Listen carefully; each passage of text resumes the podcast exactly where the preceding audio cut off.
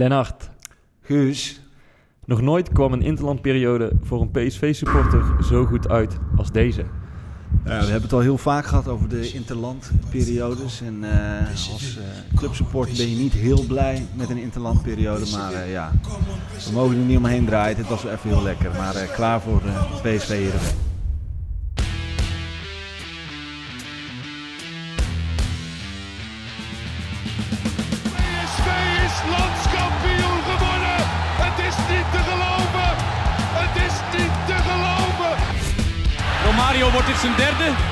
Wordt dit zijn derde? Dit is zijn derde. Wat een wereldgoal. 5-1. Lozano richting De Jong. Oh, De Jong. Oh, wat een mooie. Fenomenale goal van eh, De Jong. Yes, de tiende aflevering alweer. En deze mijlpaal vieren we vandaag met oud-media en marketingmanager van PSV, Guus Pennings. Guus, fijn dat je de gast wilt zijn. Laten we gauw beginnen. Eh, Even heel kort. Ehm, ja, wie ben je? Eh, ja, ik ben Guus, Guus Pennings, 36 jaar. Ik woon in Hezen, onder de rook van Eindhoven. Met mijn vriendin, mijn acht maanden oude zoontje. En ehm, misschien relevanter voor deze podcast is dat ik de afgelopen zes jaar eh, manager marketing en media was bij onze favoriete club PSV. Yes. Ja, nou, dat is een Guus. Fijn dat je er bent. We gaan eh, gelijk even hebben over Oranje. Het is natuurlijk niet voor een PSV-fan niet de meest leuke periode. Want er zat geen PSV'er. Daar hebben weinig PSV'ers minuten gemaakt volgens mij. Hè? Heb jij gekeken, Guus? Ja, ik heb het gekeken. Ik moet zeggen, de eerste wedstrijd heb ik eh, met tussenpozen gekeken. Want eh de thuisfront was eh, ziek, hè, die van acht maanden. Ja. Dus ik heb zo eh, de grootste delen wel gezien. Maar eh, nee, ik miste ook wel een, een vleugje PSV. Ja, ja, ja. Had- Hadden jullie verwacht dat Dumfries zou spelen? Ik had het eigenlijk wel een beetje verwacht, ja. Ik was daar ook wel van uitgegaan, eerlijk Ja? gezegd. Ja. Maar wil dat dan toch zeggen dat eh, Koeman eh, een beetje teleurstelt in, eh, in de mis na zijn laatste optredens in Oranje? Of bij PSV? Ik denk bij PSV. Ik denk toch dat, eh, ja, hij, het gaat niet zo lekker bij PSV. En eh, misschien heeft hij gedacht van, ja, dat, eh, dat heeft misschien ook invloed op Oranje. Dus laten we dat, eh, laten we dat maar niet doen. Jullie? Nou ja, ik denk ook wel dat die positie waar Dumfries dus speelt, dat dat, dat is een van de posities in het elftal wat geen uitgemaakte zaak is voor mijn gevoel. Weet je. je hebt een paar namen, die vul je meteen in. ja. Maar rechtsback denk je, ja, dat kan Veldman spelen, kan Dumfries spelen. In een andere variant, hè, dat zag je met Promes, eh, kun je nog wat uithalen. Dus ik denk dat daar ehm, de verschillen gewoon best wel klein zijn. En dat, eh, dat er nog lang geen uitgemaakte zaak is richting het EK, wie daar eh, de vaste kracht wordt. Vind jij Dumfries niet beter dan eh, Veldman? Of vind jij ja, Veldman beter? Ja, dat maakt verder niet Nou uit. ja, dat is een beetje een onpopulaire mening. Maar de Ja. wedstrijd die ik de afgelopen maand heb gezien, vond ik Veldman wat overtuigender dan, eh, dan Dumfries. Ja. Ik kan me voorstellen dat Koeman op dit moment dan voor Veldman kiest. Omdat Ja. hij gewoon een betere flow zit bij Ajax. En ja, Dumfries die doet zijn best. En, en die wil die voortrekkersrol bij PSV wel nemen. ja. Maar dat wil niet zeggen dat hij automatisch ook meteen heel goed voetbalt. Nee, nee, dat is waar. Maar goed, dan, eh, we gaan naar het EK, jongens. Ja, we gaan wel naar het EK. En dan zullen toch wel een aantal PSV'ers meegaan, neem ik aan. Maar tegen die tijd zal lekker wel boven zijn. ja, of niet, maar dan Ja. eh, zijn we gedegradeerd. Nee, maar eh, welke, welke PSV'ers gaan we, eh, gaan we zien en van wie gaan we genieten? Nou ja, kijk, als, als Bergwijn en Malen fit waren geweest, hadden ze de afgelopen twee wedstrijden ook gewoon minuten gemaakt. Ja. Dus die zitten er eh, op zeker bij of er moet iets heel geks gebeuren. Maar eh, hebben, die, hebben die ook zitten kijken dat Stengs en Bodo eh, best redelijk delen en dat ze dachten van, ah, dat is... eh, dit voelt niet heel lekker. Wat denk jij? eh, nou, eh, ik ben eigenlijk van mening dat wij in Nederland er redelijk goed in zijn om spelers die piepjong zijn, of hun debuut nog moeten maken zelfs, dat, die, dat we die al de EK-finale inpraten. En dat is met Boadu, dat is met Stenks, dat is met Malen, dat is met, Ja. met al die gasten. Zelfs met Iataren die zijn keuze nog moest maken, met Des die de keuze niet eens heeft gemaakt. En dus eh, ja, van wie gaan we iets verwachten? Eh, ja, Guus, jij zegt eh, Bergwijn en Malen. Nou ja, Bergwijn heeft weliswaar veel concurrentie in, op zijn positie, maar dat vind ik echt vind ik van uitzonderlijke klasse en ook wel al over langere periode eh, Ja. gewoon goed. En Malen, ja, ook in alle eerlijkheid, kende een vliegende seizoenstart, maar was vorig jaar nog niet geen basisspeler bij PSV. Dus Nee. die zomaar in de spits van Oranje praten, vind ik ook wel weer eh, Ja. ja, eh, wat korter de bocht. En, ehm, maar ik hoop dat ze erbij zijn en ehm, dat ze een rol van betekenis gaan spelen, zoals Memphis dat bijvoorbeeld uh, wat Ja. vorige week aankwam. Ik denk nog wel dat ze een streepje voor hebben op Boadu en Stenks, waar jij over begon. Ik bedoel, je zag Ja. dat Koeman afgelopen wedstrijden ook eerder koos voor de meer ervaren Berghuizen, Babel. Dus die, Ja. die eh, ja, krediet is wel belangrijk voor Koeman volgens mij. Ja, oké. En dat hebben ze de afgelopen, vooral Bergwijn inderdaad, die heeft dat de afgelopen periode wel opgebouwd bij, bij het Nederlands elftal en PSV. Ja. Nou, mooi. Maar dan heb je ook nog heel snel voor Iataren. Oh ja. Want ja, die heeft voor Nederland gekozen. Maar nou gaat iedereen er maar ook maar blindelings vanuit dat hij dan er ook maar erbij is. Maar ja. ik vraag me af, ja, als je zijn concurrenten ziet op, eh, op de plek eh, nummer 10, ja. is toch geen uitgemaakte zaak volgens mij. Nee, en ik denk dat, dat het de rest van het seizoen eh, heel bepalend is voor eh, wat zijn status wordt richting het EK. En Maar wat is er gezegd eh, door Koeman eh, tegen Iataren in dat gesprek? Want dat werd natuurlijk zo'n hype op een gegeven moment. Die gesprekken tussen Koeman en Iataren en met rust laten en niet. Eh, Ja. Denk je dat de beloftes zijn gedaan? Of denk je echt van Iataren, ik, ja, jij bent echt eh, mijn grote man, maar eh, ja, laat het zien en dan komt alles goed? Ik denk persoonlijk, of als ik in de schoenen van Koeman zou staan, waar ik waarschijnlijk nooit in kom te staan, ehm, maar sluit het niet uit, ehm, dan zou ik geen beloftes doen. Nee. Want zo'n jongen, waar we net over hebben, die jongen die, die heeft 15 wedstrijden het eerste Ja. van PSV gespeeld. Dus hoe kun je hem nou een plek beloven in een, nou ja, in een selectie zou dat kunnen, maar het is wel topsport. Weet je? De marges zijn heel klein. En ook die, die 22e of 23e man kan het verschil maken in zo'n toernooi. Dus je, Ja. je kunt toch niet een plek aan iemand weggeven Nee. die nog geen jarenlange staat van dienst heeft. Ja. Ik kan me ook niet voorstellen dat Koeman dat heeft gedaan. nee. Echt niet. Nee. Maar wat we nog eh, gezien hebben om Oranje mee af te sluiten is natuurlijk eh, het ding met eh, het racismeverhaal. Ehm ja, wel mooi toch? Hoe dat, eh, hoe dat gegaan is. Hoe Wijnaldum daarop heeft Ja. gereageerd. Ja. Ja. Ja, een grote meneer hè. Ja, Echt een grote meneer geworden in, eh, in Ja. Liverpool.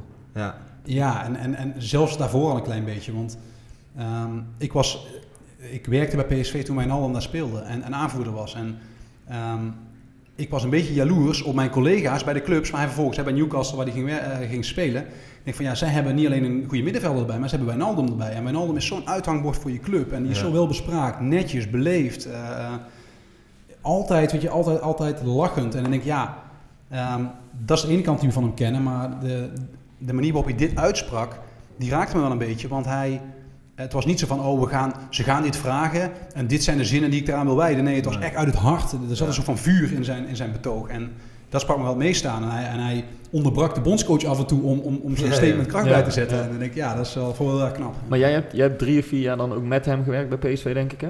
Eh, hij was er toen ik kwam. Eh, en hij is denk ik twee jaar eerder vertrokken. Denk ik vier jaar wel eh, eh, ja, Ja. samengewerkt. Tegelijkertijd bij PSV Ja. gezeten. En hij heeft wel heel veel last in die periode van zijn, van zijn rug ook gehad. Heeft ook een hele tijd niet gespeeld. Ja, en, klopt, ja. ja. Maar heb jij hem daarin ook echt zien groeien als mens inderdaad? Als voetballer is hij natuurlijk beter geworden, maar je zegt ook hij was echt een uithangbord. Nou ja, het, het grappige is hij, is, hij is daar ook wel versneld in gegroeid. En, en ja, dat is niet de leukste reden natuurlijk, maar hij is veel geblesseerd geweest. En als je veel geblesseerd bent, dan ben je soms iets eerder aan de beurt als het gaat om een verplichting naar sponsors toe, of naar media toe. Of naar, en eh, als je vaker in de situatie komt als jonge speler, dan word je comfortabeler in die situatie, eh, weet je beter wat er van je gevraagd wordt. En uh, nou, daar groeide heel erg in. En zeker toen dat in combinatie met zijn persoonlijke presteren kwam, ja, dan, dan merk je ook dat zijn, zijn hele ja, impact en zijn uitstraling als hij binnenkomt, dat hij eh, ja, gewoon, gewoon, gewoon heel, heel impactvol is. Kijk je naar, daarna in de selectie bijvoorbeeld dat je natuurlijk Genie eh, het liefst eh, zoveel mogelijk wil gebruiken dan in die tijd? Ja, ja en vanuit mijn eh, vakgebied kijk ik daar wel naar. Alleen ehm, ehm, in het voetbal is het nog steeds zo, tenminste bij bijna alle clubs, dat voetbaltechnische afwegingen bepalen wie er worden aangetrokken, wie er spelen. En alleen ja, je hoopt uh, van een marketingperspectief wel dat er ook af en toe jongens bij zijn die waar een goede kop op staat en die het goed doen. Want ja, dat doet het wel gewoon Ja. heel erg goed in je, in je hele uitstraling. Ja. En als je dan een paar spelers kreeg waarvan je soms dacht van ja, eh, ja komt dit de sponsor ten goede of niet? Eh, had je dan, was je dan ook nog in gesprek bijvoorbeeld met de perschef of, van, of met eh, Mart? Dat je zei van Mart kunnen we niet, proberen we niet... Nou ja, weet je, jij noemt, jij noemt Mart. En Mart heeft best een, een moeilijke rol bij PSV. Want aan de ene kant wordt hij door mensen als ik aan zijn jas getrokken van... hé, hey, en ik wil en Luc de Jong en Wijnaldum en... Hè? ja. En aan de andere kant zeggen Luc de Jong en Wijnaldum van... ja, hé, hey, Mart, zijn er ook die andere jongens aan de buurt? beurt hè? We zitten met 25 man in de selectie... en wij, Ja. wij moeten elke woensdagmiddag moeten we ons bij eh, commercie gaan melden. ja. Dus eh, dat is een lastige spagaat. En ik vind dat Mart dat eigenlijk wel knap doet om... eh, hij heeft heel goed in de gaten wat de balans is. wie er aan de beurt is tussen aanhalingstekens. En hij snapt ook wel dat als jij vijf spelers nodig hebt... dat hij niet vijf net gepromoveerde spelers van Jong PSV moet sturen... waarvan de gemiddelde sponsor... waar ze zich aan voor moeten stellen. ja. Ehm, maar dan kiezen, eh, kiezen ze vaak een mix van, van spelers. En, eh, en, en dan heb je gewoon van alles wat, om het zo maar te zeggen. En dan kom je prima uit de voeten. ja. Mooi. Ja, voordat we verder gaan inderdaad, eh, over de werkzaamheden van Guus. Eh, Ja. Want we hebben nu toch de gast, dus laten we daar dan ook gebruik van Ja. maken. Eh, Guus, oud media en marketing manager van PSV. Wat houdt dat in eh, gewone mensentaal? eh Ja, ik dacht dat we alleen over voetbal gingen hebben, maar nu ja, een serieuze, serieuze verhaal. Ja, goed. eh, wat houdt dat in? Ja, dat, dat vroeg mijn baas ook eh, een paar jaar geleden. Nee, dat, dat houdt eigenlijk in. Ik ben, ik ben gekomen als manager marketing. En marketing houdt eigenlijk in dat wij binnen PSV een soort van afdeling of een orgaan hadden gecreëerd. Wat eh, de marketing en communicatie deed voor al die andere, eh, ja, je zou kunnen zeggen, winkels die PSV heeft. Want ja, je hebt merchandise. Hè? En bij merchandise willen we meer shirts, petjes, sjaaltjes en, en, en, en broodrommels verkopen. Eh, tickets, je wil het stadion elke week vol hebben. De businessclub wil meer eh, eh, zakelijke relaties binden. Eh, de kidsclub wil meer abonnees. Dus eh, we hebben gezegd van laten we nou niet in elke afdeling marketingmensen zetten die allemaal hun eigen ding gaan doen. Maar laten we voor de expertise, maar ook voor de eenduidige zeg maar, uitstraling naar buiten toe een marketingafdeling creëren, wat die onder andere dat gaat doen voor die verschillende afdelingen. Ja, en daarnaast natuurlijk eh, het merk PSV verder uitdragen en, en, en bewaken. Ehm, later in mijn eh, periode, na, drie jaar, is daar ehm, met de komst van Thijs Slekers, die fulltime perszaken is gaan doen, echt bij het team, is eh, media, noemen onze eigen media, website, app, de printuitgaves, tv. Dat hebben we bij marketing geïntegreerd, zeg maar. Dus toen werd het de, job eh, marketing en media. Ja, maar zo belangrijk was media toen nog helemaal niet toen jij begon natuurlijk. Nou, dat is wel grappig. Toen ik, Nee, ja, maar, nee, maar de Ja, video, video bedoelt, ja. Instagram, eh, dat, dat was toen jij Nee, begon. ja, dat is heel grappig, want ehm, ehm, ik kwam en toen hadden wij een perschef, Jeroen van den Berg. ehm, en die was tevens hoofd media. Maar media was, ja, de, de- eh, met Ja. heel veel respect, hoor, maar de programmaboekjes voor de wedstrijd en vier keer per jaar een magazine. Welk jaar hebben we een dan klein over? beetje. Wat zei je? welk jaar hebben we dan 2013 ongeveer. 2013. Ja. En natuurlijk was er een website en die was, die was trouwens door mijn voorgangers, eh, was PSV altijd heel vooruitstrevend. Dus was goed opgezet en er kwamen wat artikelen op eh, elke dag. Alleen, dat was vrij, eh, eh, als je het vergelijkt met nu, was het vrij bescheiden van kwantiteit. En, en ehm, eh, ik heb er in mijn jaren bij PSV, is eigenlijk, je merkte op Twitter bijvoorbeeld dat de agenda van de perschef kon je wel een beetje door de content heen zien. Want ja, als die iets anders aan het doen was, als een persconferentie, gebeurde er even niks. En dan als die tijd had, dan kwamen er wat, Ja. wat, wat publicaties. En eh, inmiddels is er natuurlijk een volwaardig mediateam ontstaan met, met, met redacteuren die zich alleen maar richten op de sociale kanalen. Ja. Met mensen die alleen maar video maken voor tv, met mensen die video maken voor online.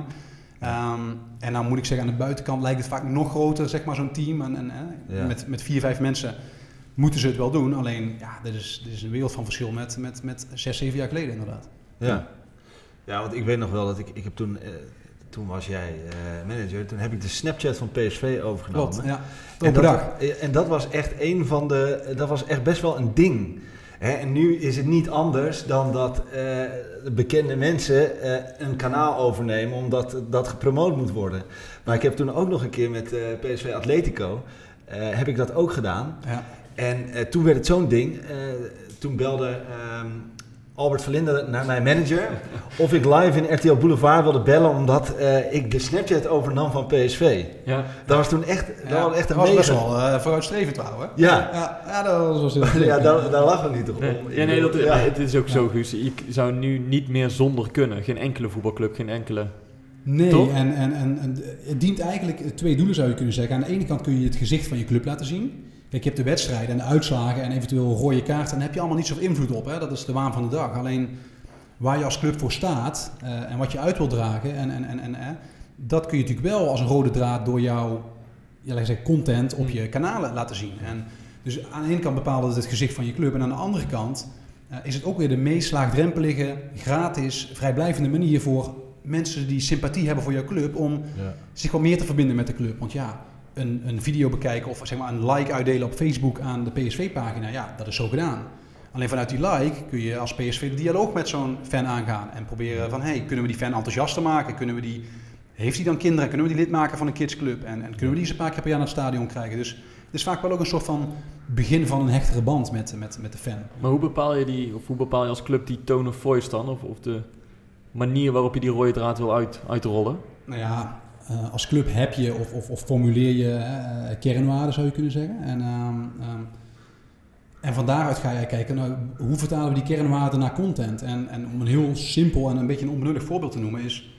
als je goed naar de PSV-content kijkt met deze bril... dan zul je zien dat er heel vaak in, in matchday posts en dat soort dingen worden er eh, afbeeldingen gekozen waar meer dan één speler op staat.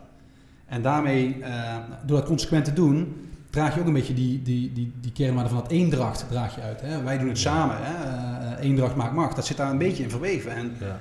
je kunt moeilijk eendracht maakt macht het hele jaar eh, uitdragen. Maar wel altijd individuele spelers op posters en helden zetten. Nee, dan moet je ook eendracht laten zien. En ehm, ja, op zo'n manier probeer je eigenlijk wat, wat, ja, wat gevoel mee te geven in je, in je, in je content. Wat waren jouw leukste momenten dan? Als je zegt van, eh, stel je had een, een pak geld, alles kon, Champions League. eh, je ging aan de tafel zitten, wat dacht je dan van, oh ja, dit gaan we echt doen.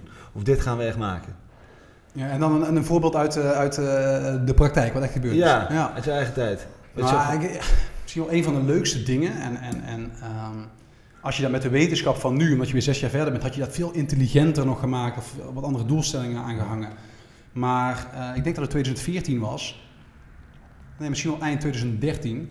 Ehm, we wilden met kerst iets gaafs doen. Met kerst wilden we iets doen voor fans. Ehm, wat niet direct geld opleverde. Weet je? Dus we hadden een budget en dat was best luxe, want dat hebben ze bij NAC en bij NEC en bij alle andere clubs vaak niet meer PSV ook al een potje kunnen maken.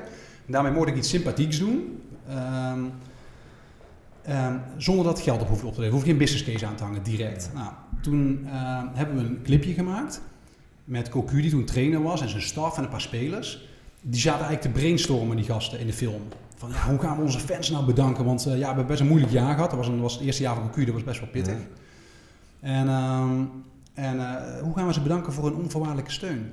En toen opperde eh, Faber, weet ik nog als assistent, waarom gaan we ze niet gewoon bellen? En toen zei ik, bellen? ja, dat is een goed idee. We bellen ze gewoon op en dan gaan we ze bedanken. En toen hadden we, omdat we dus onze data toen al redelijk op orde hadden, hadden heel veel Ja. telefoonnummers van fans, konden we jou een mail sturen. Beste Lennart, hier is een boodschap van Philip. En dan ging dat filmpje spelen. En op het moment dat Philip Cocu in dat filmpje door zijn telefoon scrolde, daar stond daar Zakaria Labia, Toivonen, dingen en Lennart. En dan drukte hij op Lennart. Ja. En dat ging daadwerkelijk, dat was ook geprogrammeerd. eh, dat- dat- hè. Ik zou nog steeds niet hoe het werkte, maar het werkte. En toen ging bij Lennart de telefoon over. En dan nam Lennart de telefoon op en dan zag hij in het filmpje... Ja, Cocu weliswaar een beetje uitgezoomd, want hè, je moest niet allemaal kunnen liplezen. Maar Nee. zag je tegen jou praten van... eh hey Lennart. Oh, nee, trouw- nee, zei niet Lennart. Hey eh, PSV-supporter. eh, tof dat je er altijd bent geweest Ja, ja. afgelopen seizoen. En bedankt voor je Ja, support. leuk, Op naar een nieuw jaar. En Heel tof. en het grappige was dat er gewoon krantenkoppen en, en RTL Nieuws-achtige items kwamen met... Philip Cocu belt 60.000 fans. En dan wel tussen aanhalingstekens. Maar die kwam gewoon perfect uit de verf. En, en de techniek bestond al van mensen bellen in een videootje. Alleen ik vind het leuker dan als je techniek functioneel en creatief kunt inzetten. Dat je toch wel heel veel mensen verraste. Want ik hoorde later in mijn omgeving terug... ehm, dat heel veel eh, nieuwjaarsborrels, dat was zeg maar tussen kerst en oud en nieuw, eh, hadden daarover gegaan. Heb je dat gezien? Heb je dat gehad? En ik, ja, dat is, dat is, ja, Ja, dit is maar een klein je wil belstokje, bereiken, maar dat is wel waarom je dat eigenlijk doet. Ja. Dat je, je een glimlach Ja, hebt. ge- ja. en dat, dat, ja, ik vertel het nu of dat ik het heb gedaan, maar Ja. dat was natuurlijk met het hele team. eh, Ja, uiteraard. Maar Voordat, dat, dat eh, is het mooie inderdaad. Maar die data die je daarmee ophaalt, die zijn ook essentieel toch voor een voetbalclub. Ik bedoel, daar doe je zoveel informatie mee op. Ja, ja, daarom zei ik eigenlijk van ja, als we het nu zouden doen, zouden we het intelligenter maken en dan meer data-doelstellingen aan hangen. Toen was het echt gewoon iets leuks doen. Ehm, maar ja, het grappige is van data, er, is een beetje, er hangt een beetje zo'n zo'n sfeer omheen van hè, taboe en eng en Big Brother is Ja. watching you. Maar wij verwachten, tenminste als ik naar mezelf kijk, ik verwacht van organisaties, zeker van gerenommeerde organisaties, dat ze mij een klein beetje kennen. Want als ik van, eh, nou zal ik zeggen, als ik twee jaar geleden, toen ik helemaal geen kinderen had, eh, telkens vanuit organisaties eh, mailings kreeg of campagnes om afgevuurd kreeg met koop dit voor je baby. En dan denk ik van ja, Ja. wat een onzin. Je hebt je, je, Ja. hebt je zaken niet voor elkaar. Eh, hè? Benader mij op een manier die bij mijn levensfase past. En, Precies. en, ja, ik denk dat het voor PSV sowieso helemaal niet. Ik denk dat er geen één PSV-fan is die het erg vindt dat hij iets deelt met de club. Dus Nee, het is wel nee. interessant om te zien hoe erg een club gebruik maakt van de gegevens van de ja, supporters. op een goede manier. Ja, ze, ik, ik zeg ook niet dat het verkeerd is, maar Ja. een club doet er wel heel veel mee. Nou ja, ja, om een voorbeeld te geven, eh, ook weer hè, zes, zeven jaar geleden ging er elke week ging er één campagne, mail of een, of een eh, eh, campagne op andere online kanalen, ging eruit naar 100.000 fans. Maar dat was een zeg maar, one size fits all. Weet je? Ja, we sturen, iedereen sturen we die campagne, want het is nu Sinterklaas en nu moet je een PSV-dekbed kopen. Ja.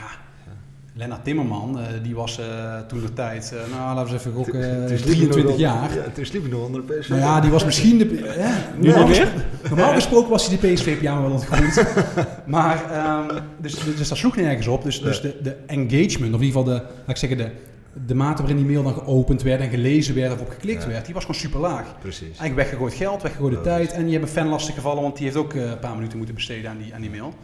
Ehm, nu worden er in plaats van die ene mail naar 100.000, worden er misschien wel 14 mails verstuurd naar 1300 mensen, 6000 mensen.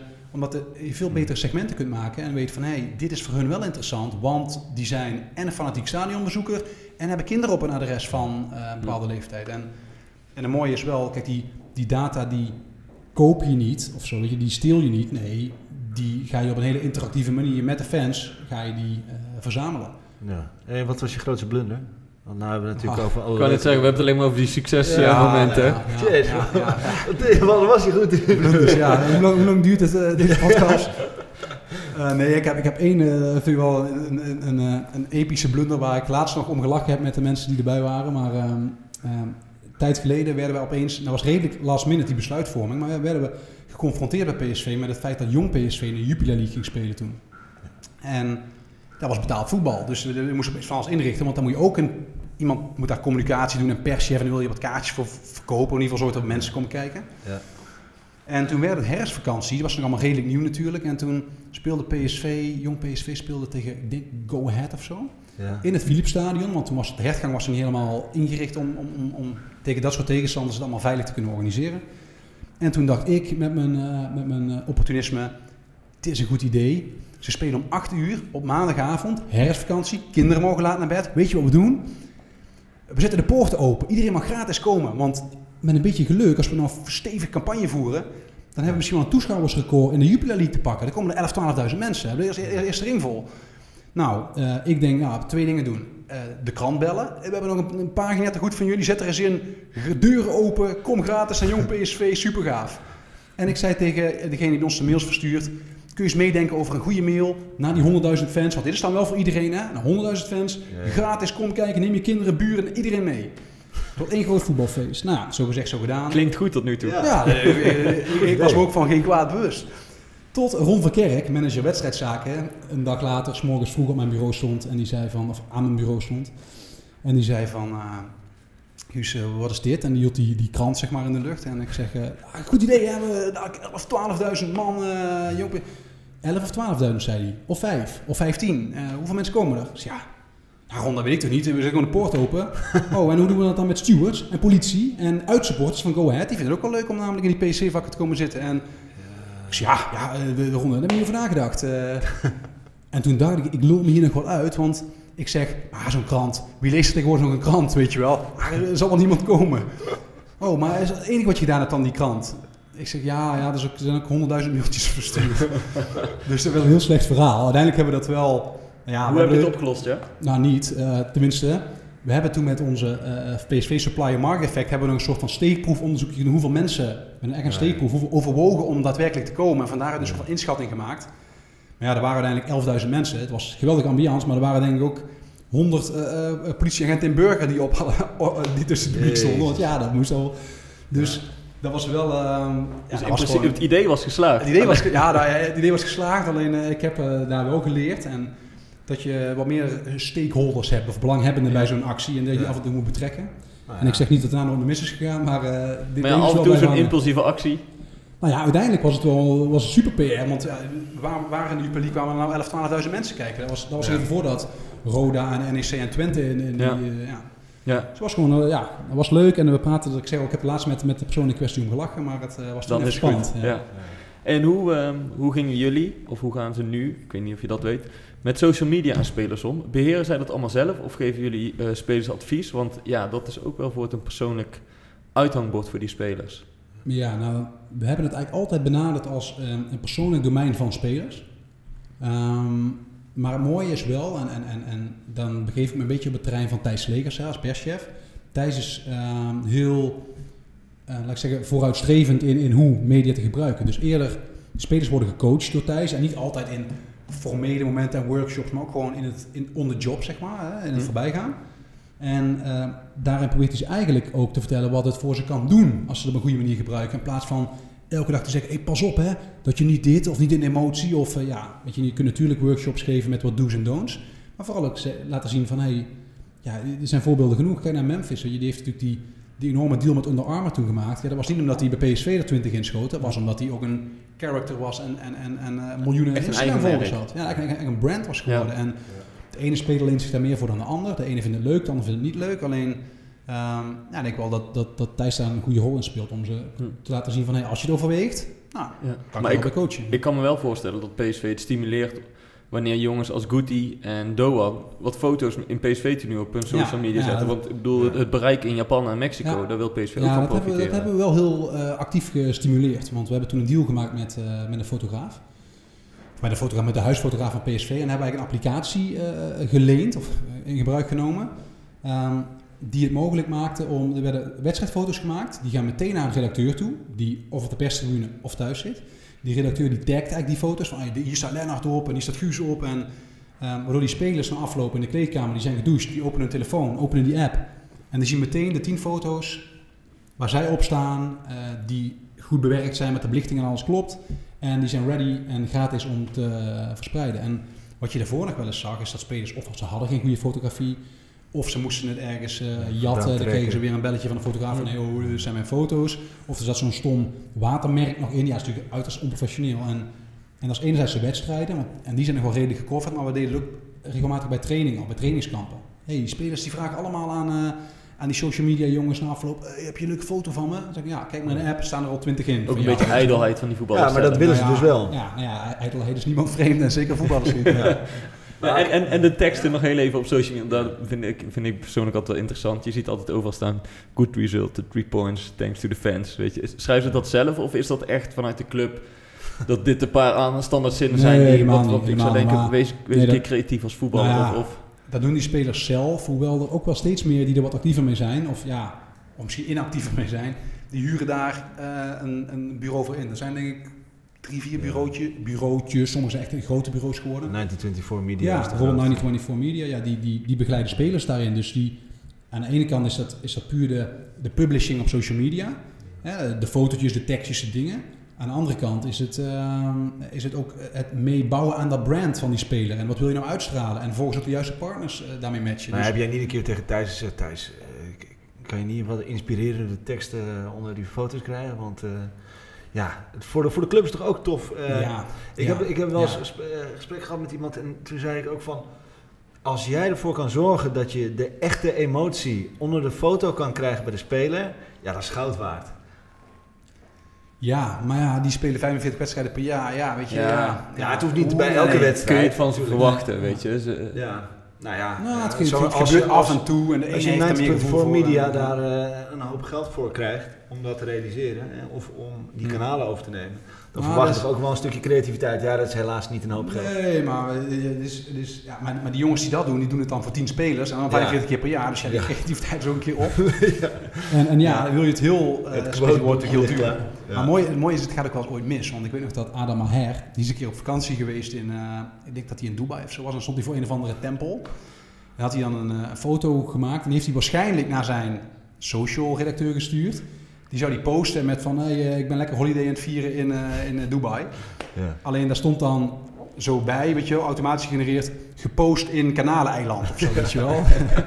dus ja, dan weet je al nou, dit gaat niet goed. Of, of jongens die het ook hebben, die, die post dan inplannen van tevoren en dan komt er iets online terwijl ze op het veld staan, weet je. Ja, ja, Ja. ja. ik En denk dan is het in ieder geval de schijn dat je het zelf doet. dat je minder authentiek. Nee, of, of dat is helemaal niet meer authentiek. Nee, Nee. nee. Hey, heel even ook weer een beetje naar het heden. Want Ja. eh, door al die mooie anekdotes eh, zijn we een beetje vergeten dat PSV wel in een redelijke crisis verkeert. Ja. Ehm, ik ben daar ook wel benieuwd naar hoe Guus daar als eh marketingmanager eh, in zijn tijd mee omging. Toen wa- was er ook wel één of twee crisissen. Nou, ik heb dus zes jaar bij PSV gewerkt, waarvan een half seizoen aan de voorkant en een half aan de achterkant. Dus vijf hele eh, zeg maar volle seizoenen, complete seizoenen. En we hebben wel eh, twee keer ook eh, een, een, een- putje gehad zoals, zoals dit. Dat was in het eerste jaar van Cocu. Hè. Dat, ging, het eerste, dat ging trouwens de eerste wedstrijd fantastisch en daarna ging dat heel erg minder. En die uitschakeling tegen Osijek eh, om Europees voetbal voor het eerst in 45 jaar geen Maar ga, ja, ga je dan meteen met het mediateam eh, de volgende dag om tafel van eh, jongens, eh, dit en dit is er aan de hand met de club, het gaat niet lekker? Of, of is het nog steeds van jongens, ja, we blijven gewoon ons ding doen en Nou ja, het zit er, het zit er eigenlijk precies tussenin. Want ehm, het is niet zo dat je dat, kijk, we kunnen moeilijk te zeggen, nou we gaan op al onze kanalen drie dagen rauw, weet je wel, zwart, eh, niet toegankelijk. Kijk, eh, eh, iedereen die Toon Gerbrands een beetje kent, die kent ook wel de anekdote van als wij eh, succesvol zijn, moeten we niet als directie of als, eh, als organisatie eh, voorop gaan in de Polonaise. Maar als het minder gaat, moeten we ook niet eh, onder in de put eh, belanden. We moeten een beetje eh, continuïteit eh, waarborgen. En, en, eh, maar je kunt ook niet zeggen, wat je net, zoals je net zegt, Lennart, van nee, we doen gewoon wat we deden. Want had je gepland om op maandag een, een, een, leuke campagne met de vriendenloterij en partner bijvoorbeeld te lanceren. En die is Holla Die, prijzenfestival, maak kans. Ja. Dan is het misschien verstandig, ook gewoon voor het succes van de campagne, maar ook om, om het sentiment even te laten rusten. Om te zeggen, nou dat doen we niet maandag, maar dat doen we woensdag. Weet je? Dan is dat het eerste sentiment gezakt. Of eh, in plaats van die jolig Holla Die, Holla Die, passen we de toon een klein beetje aan, zodat die past bij de situatie waarin we zitten. Ja, ja dus je- wil geen rouwstemming eh, creëren. Je wil niet blind varen op emoties, zoals supporters wel eens kunnen doen. Maar je houdt er zeker rekening mee. Ja, nou ja, je houdt er zeker rekening mee. En, en, en ik heb in, een, in mijn, mijn, mijn periode voor PSV werkte ik bij eh Triple Double, een sportmarketingbureau. En daar begeleiden we ook een aantal sponsors van PSV. En dat was, van een sponsor is het ook heel lastig, want je hebt een maand gewerkt aan een campagne uit te rollen hè, als sponsor van PSV. En dan heb je, oké, dinsdag gaan we live en we hopen dat er 10.000 mensen eh, mee gaan doen of gaan reageren. Ja. Maar ja, is de stemming zoals die nu is, eh, dan, is de- dan is het resultaat, zonder dat je er enige invloed op hebt als sponsor of als marketingafdeling, is natuurlijk de engagement is ietsje lager als dat je dat eh, een half jaar geleden had gedaan toen ze eh, 14 keer elkaar gewonnen hadden. Dat, Ja, ik neem met PSV of met energiedirect.nl veel van die juichvideo's op. En wij hebben ook wel eens, eh, toen zat ik met energiedirect.nl, kijken we dan samen de wedstrijd. En die wedstrijd was, ja, was zo slecht. Het ging totaal niet. En eh, ja, wij zaten echt, ja, als ze niet winnen, wat, wat gaan we dan doen? Gaan we überhaupt die video dan nog wel opnemen? Zullen we dan, zullen we dan naar beneden gaan? Nou ja, toen wonnen ze uiteindelijk. Ja, en dan neem je hem toch op, maar het is inderdaad een heel ander effect als... eh, Aan de ene kant is het ook een klankbord voor de, voor de supporters, want de supporters kunnen in die video natuurlijk wel even zeggen wat ze er echt van vinden. Maar eh, ja, dat werkt natuurlijk niet. Nee, maar ik- ik- dat gaat. Ik weet nog een paar jaar geleden, toen Ajax even in wat zwaarder weer zat, toen lanceerden zij die tunnelclub, weet je, zo'n ultiem VIP-ding. En dat toen hadden ze twee keer verloren of drie keer verloren. En toen was eigenlijk wel duidelijk van, ja, ook dit jaar worden we geen kampioen. En dan was het retteketet persbericht, weet je wel. Wij hebben de tunnelclub. Ja, dan zei iedereen natuurlijk van, ja, flikker eens op met je tunnelclub. Je gaat gewoon wedstrijden winnen. En, en ehm, niet om, om, om daar nou iets van te vinden, want dat gaat dus over... Hè, je- je moet die tunnelclub, dat staat eigenlijk natuurlijk totaal los van. En je moet die ook kunnen lanceren. Alleen, je kunt dan kijken van, zullen we het, de toon in het bericht een beetje dimmen... Of kunnen we er ook een week mee wachten? Weet je, vinden onze partners met wie we dit doet, doen ook eh, oké als we een week wachten, want dan hebben we misschien weer een wedstrijdje gewonnen en dan is het, dan valt het op een wat beter bedje, laten we zo zeggen. Ja. Die, eh, die. Krijg je in slechte tijden ook minder spelers? Of eh, is, het, is dan de... Eh, om een medewerking te verlenen Ja, aan, voor, aan commerciële voor- dingen ja, bijvoorbeeld. ja. Ehm, Ik denk ook veel contractueel vast. Ja, alleen het moment waarop je ze ter beschikking hebt, ja, dat wordt natuurlijk gewoon bepaald door eh, Ja. de samenwerking, eh, Ja. te- te- trainer Ja. en, en, en, teammanager. En, maar ik heb ook de recente geschiedenis eh, meegemaakt dat het eh, ook in mindere dagen, hè, een dag na een wedstrijd, ja, het respect voor het feit dat er een partner is of een collega is die een hele setting heeft gecreëerd en opgebouwd om daar iets op te nemen of iets te doen, daar wordt gewoon aan meegewerkt. Ja. Tenzij het nodig is om een extra training te doen. Als dat sportief nodig is, gaat dat natuurlijk altijd voor. En dan moet iedereen zich daar even naar schikken. Ja. Ja. En vind je dat moeilijk dan? Dat, dat je daar, of vind je dat heel logisch? Want uiteindelijk zet je dan misschien wel een team die klaar staat om te draaien eh, o- of Ja. iets te maken. En dat je dan... eh, Nee, ik vind het eigenlijk vrij eh, logisch, want uiteindelijk werk je in een sportomgeving. En daar draait Ja. het om. En, en, wat we straks in het begin al zeiden, de, de marges zijn zo dun. ja. En uiteindelijk is die, die, die trainer is ook verantwoordelijk voor die... Hè, mijn, mijn kop ligt niet op het hakblok, dat van Mark van Bommel wel. Dus Ja. als hij de eh, indruk heeft of de, de overtuiging heeft dat hij 2% beter is door vrijdag wel te trainen in plaats van die commerciële activiteit te doen, Ja. moet hij dat vooral doen, want hij moet de verantwoordelijkheid nemen. Ja. En, en dan moet je dus niet vergeten in wat voor bedrijf je werkt. En, Ja. en als je met externe partners werkt, hè, met, met, met reclamebureaus of, of filmploegen, of, maak je nog wel regelmatig mee dat zij dat niet begrijpen. Dat ze zeggen van, zo, nu komen we en eh, Mark, we gaan iets opnemen met Mark van Bommel, en, of met, met, met willekeurig Ja. aantal spelers. En eh, nou, dan doen we eerst doen we proefdraaien en dan doen we dit en dan doen we het zus en dan gaan we nog een keer zo en vanuit die hoek. En dan zijn we om vijf uur klaar. Ik zeg, ik weet niet jullie precies van plan zijn, maar volgens mij hadden we in de briefing gezegd, je hebt een uur. Ja. En ze zei, ja, maar een uur, dat kan niet in een uur. Ik zeg, ja, het zal toch moeten in een uur. Ja. Uiteindelijk hebben ze, heeft iedereen maar een uur en je ziet Ja. hartstikke mooie campagnes, dus het kan wel in een uur. ja, precies. Alleen ze begrijpen niet waarom die spelers die anders in een auto stappen en misschien wel naar huis. Ja. Maar er zit zoveel achter dat normale trainingsschema van, van, van eh, taallessen tot yoga, tot dit, tot voeding. Tot, Ja. ja. het is een, inmiddels is het wel een totaalpakket geworden. En het is niet meer een, een- zoals het vroeger was van, nou ja, eh, Ja. s morgens van 11 tot 1 trainen, goed eten en naar huis. Dus eh, Kemo laat je op de club bent zondag. ja, Nee, oké. Maar dit is, je, je, ook al ben je nu weg bij PSV, je begrijpt dus of je, je weet een beetje hoe dat mediateam en marketingteam zich nu voelt. Of waar ze het Ja, over hebben ja, en, en ja, welke ja. keuzes ze moeten maken. ja, uiteindelijk eh, eh, ehm, ben je allemaal ook supporter van de club. Of in ieder geval ben je het geworden. Eh, en je hebt maar één doel. En dat is dat jouw werkgever of jouw club het gewoon goed doet. Want eh, de stemming is leuker, de campagnes zijn beter, je content wordt beter ontvangen en, en je krijgt meer. Ja. Dus ehm, als je maandagochtend op kantoor komt, of op zondagavond in je appgroepje als er verloren is eh, bij Willem II, ja, dan zeg je ook allemaal een keer kut tegen elkaar, weet je wel. En dan, Ja, dan vloek je een keer en dan zeg je, "Goh, waar- en waarom, is die, waarom heeft hij niemand anders op rechtsback gezet? Ja, bijvoorbeeld, ja, dat, dat gebeurt ook, want alleen, ja, daarna schud je een keer met je kop, ga je koffie halen en dan ga je over tot van, oké, wat kunnen we er wel aan doen om vanuit de situatie waarin we nu zitten, ons ding te blijven doen, te blijven presteren eh, op ons vakgebied. Precies. Ja, heel duidelijk. Ja, helder volgens mij. Ja, eh, maar waar wij ook nog wel benieuwd naar zijn, dat is natuurlijk het hele ding. Ajax werd daar heel erg op aangevallen, Qatar. Wat vind jij daarvan als, eh, als marketing media manager? Ja. Vind je dat een goed idee? Hey Lennart, de, de, de luisteraars denken misschien dat dit allemaal gewoon uit de losse pols is, maar je hebt een draaiboek opgestuurd en dan heb ik het woord Qatar niet in gelezen. en nu, word- nu word ik hier voor het blok gezet met een politiek statement. Ja, hey, eh, wat ik daarvan vind. Ja. Ehm, nee, ja, ik, nee, ik vind het gewoon een echt een moeilijk onderwerp. En, ehm, Ja. en ehm, zoals, zoals Edwin, Edwin van der Sar het afdeed, is natuurlijk ook wat kort door de bocht, hè, want nee, we zijn geen politieke partij, maar, maar, maar je runt wel de rest van het jaar allerlei maatschappelijke programma's waar je je wel eh, Ja. van die kant laat zien. Ehm, maar ja, ik vind het ook, het is ook het korte door om te zeggen, je mag niet dat soort landen op trainingskamp, want Nee. eh, de andere, de rest van de Eredivisie, naar Turkije. Nou is Turkije dan een land waarin Nee, niks ja. geks gebeurt. En En er zijn zoveel ja. Nederlandse bedrijven die ook handel drijven met, met bedrijven in Ja. Qatar. En zolang er geen uitreisverbod is of geen handelsbelemmering, dan is het heel makkelijk. Kijk, het is heel makkelijk om op een voetbalclub te schieten. Ja. Weet je, die zijn zo Sowieso. vaak toch als eerste lul. nee, die staat op de Ja. voorpagina. Ja. En, eh, ja. Dat doet het goed als je daar kritiek op hebt. En, en die moeten dan maar weer reageren omdat het een soort publiek domein is. Eh, maar ik vind het ook heel makkelijk om te zeggen, ja, Ajax PSV zouden er absoluut niet heen Ja, mogen. en het WK wordt er toch gehouden. Dus, eh, hoe is Ja, dat is nog wel iets anders. Ja. Omdat, ja, daar moet je als land aan meedoen. Dat wordt daar georganiseerd. En PSV en Ajax kiezen er nu zelf voor om daarheen te gaan. Maar ja, ik vind het niet zo, ik vind het niet zo ramp als ze daarheen gaan. Maar ik weet dat er ook echt een ander kamp is. Die er fel op tegen is. ja.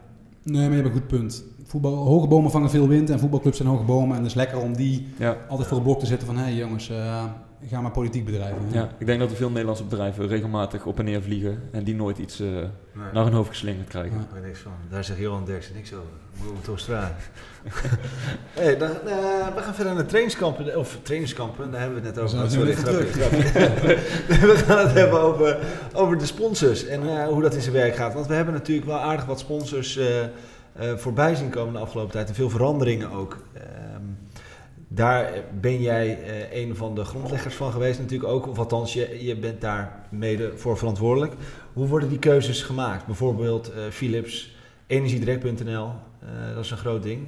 Ja, dus het is, het is eh, te veel eer om dat ook in mijn takenpakket Ja. te schuiven. Want we hebben eh, we, eh, PSV sponsormanager. En in principe Ja. is het zijn verantwoordelijkheid samen met de commercieel directeur. Alleen, ja, ook vanuit marketing ben je natuurlijk altijd wel Precies, betrokken ook, bij, ehm, eh, zeker bij het inhoud geven aan die partnerships. En, en, ehm, dus ja, jij noemde het voorbeeld eh, van Philips naar Energie Direct. Nou, dat was Ja. eigenlijk wel dat was een van de, van de leukste dingen die ik in die periode wel bij betrokken ben geweest. Omdat eh, A, dat Philips na 50 jaar om het shirt hebben gestaan, zegt van hey, wij doen een stapje, een stapje terug.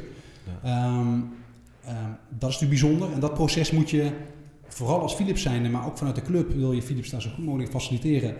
Ehm, wil je die transitie van, laten we zeggen, hoofdsponsor naar founder, wat ze nog steeds zijn, en innovation Ja. partner, naamgever stadion. Ja. Ehm, dat wil je goed begeleiden, want fans zijn geneigd te zeggen, Philips laat ons in de steek. Maar Philips is de grootste sponsor in Nederland die niet op een shirt staat. Dus Ja. ja, in de steek. Eh, Ja. PSV is er commercieel niet minder van geworden van de beweging die Philips heeft gemaakt. Nee, zeker niet.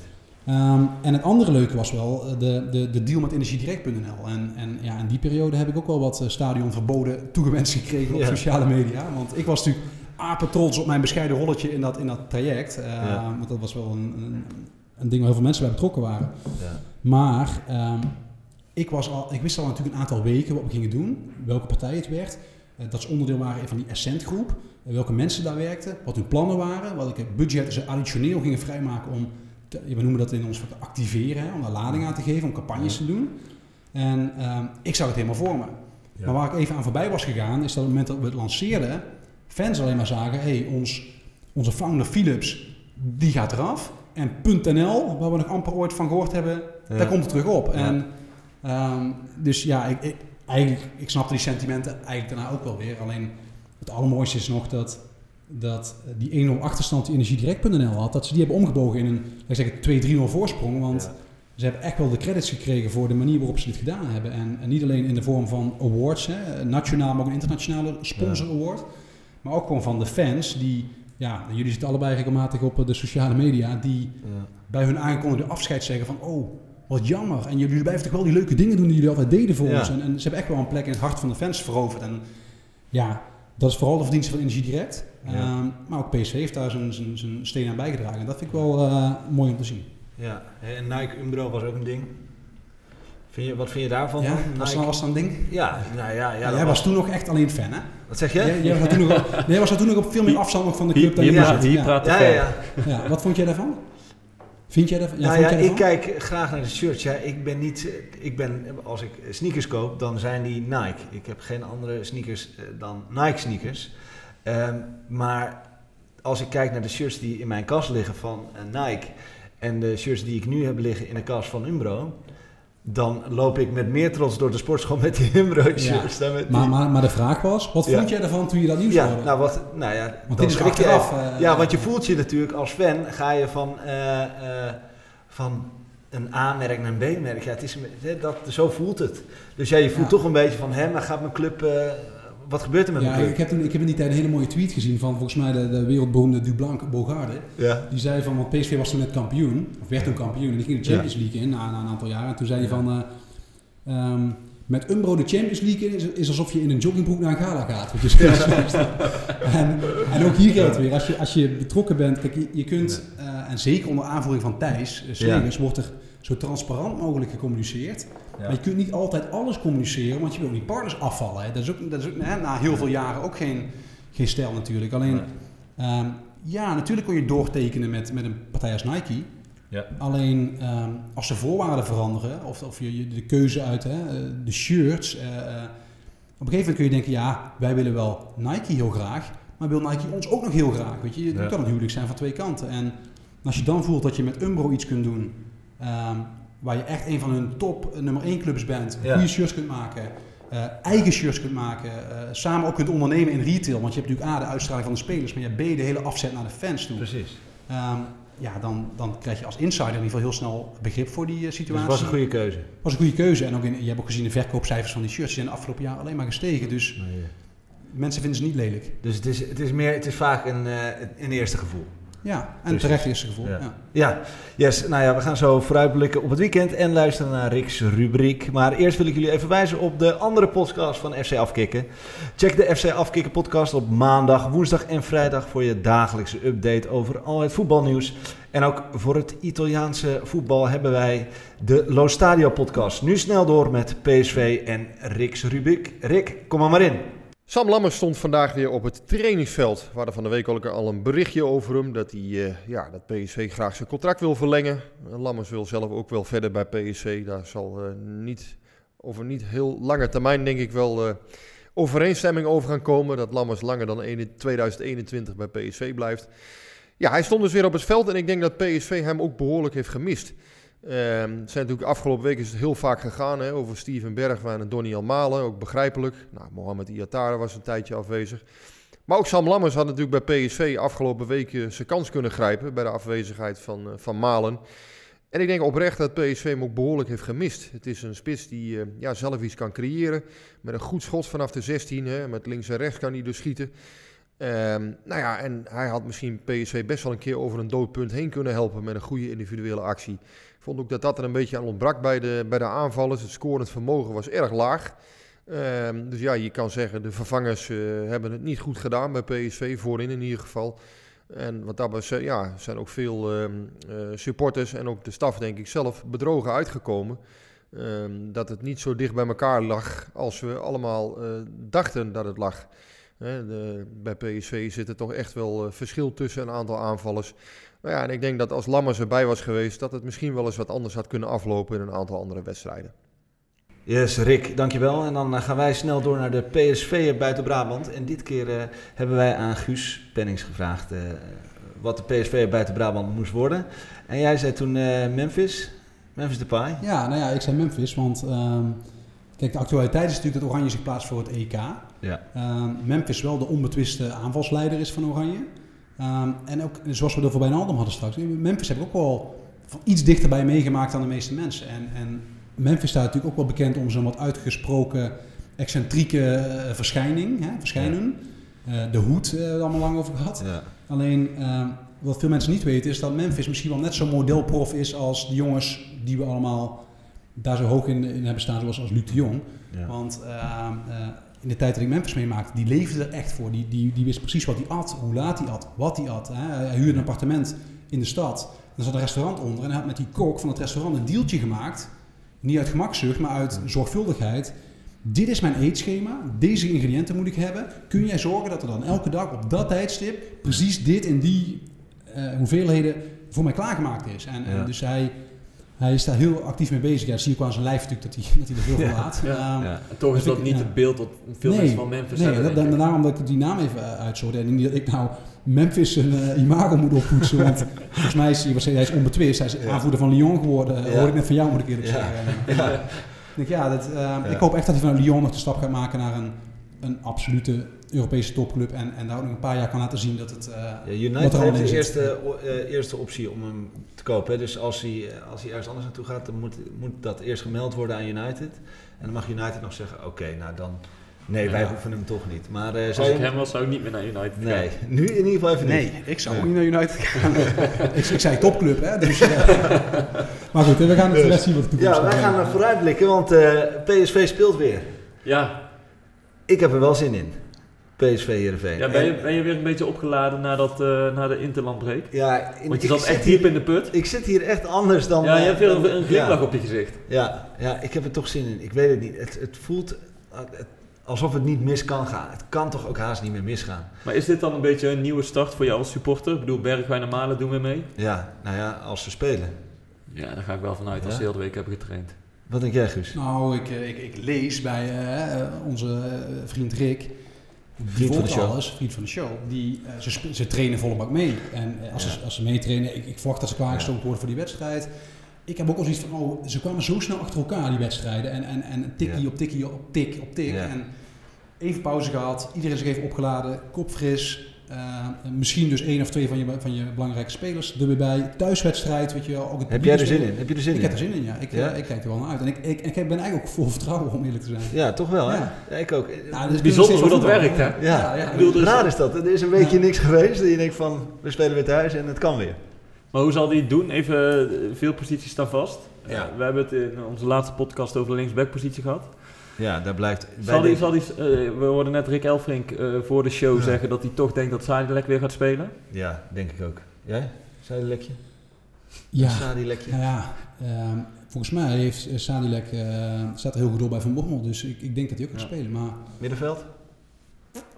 Of zou jij... Zou jij eh, wij, wij zien graag Nick Viergever op linksback staan. ja, daar kan ik me wel iets bij voorstellen. Alleen het mooie is natuurlijk, je hebt de afgelopen jaren zoveel linksbacks gehad die ook aanvallende, heel veel aanvallende impulsen hadden. Hè? Ja, dat Eh, van, van, van eh, Jetro naar, naar, Joshua Bonnet, Ja. dat ook nog redelijk. Ja. En, en toen kwam natuurlijk eh. Angelino vorig jaar. Ja.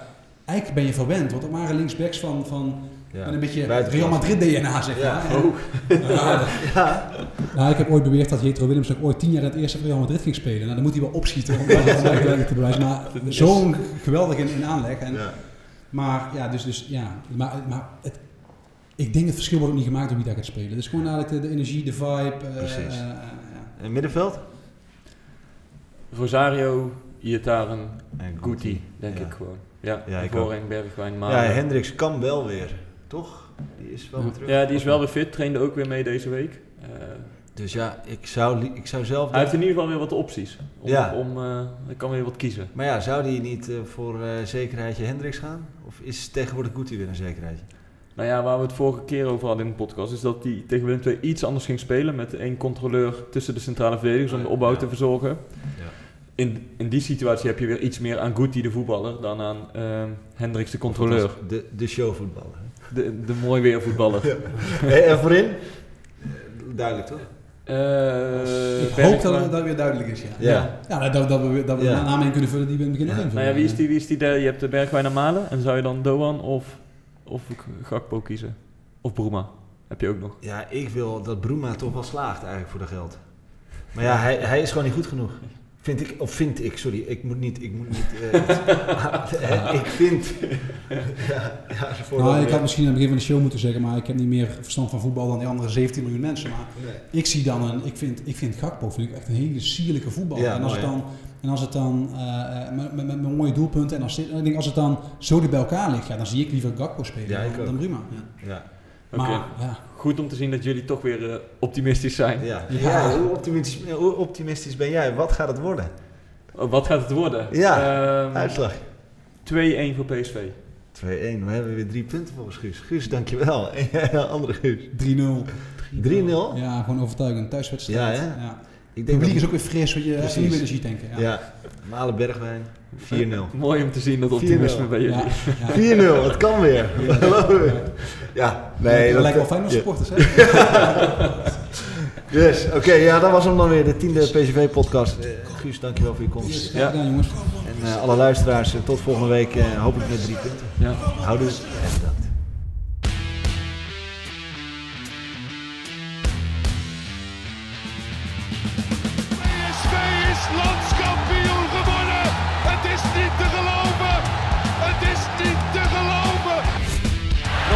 wordt dit zijn derde?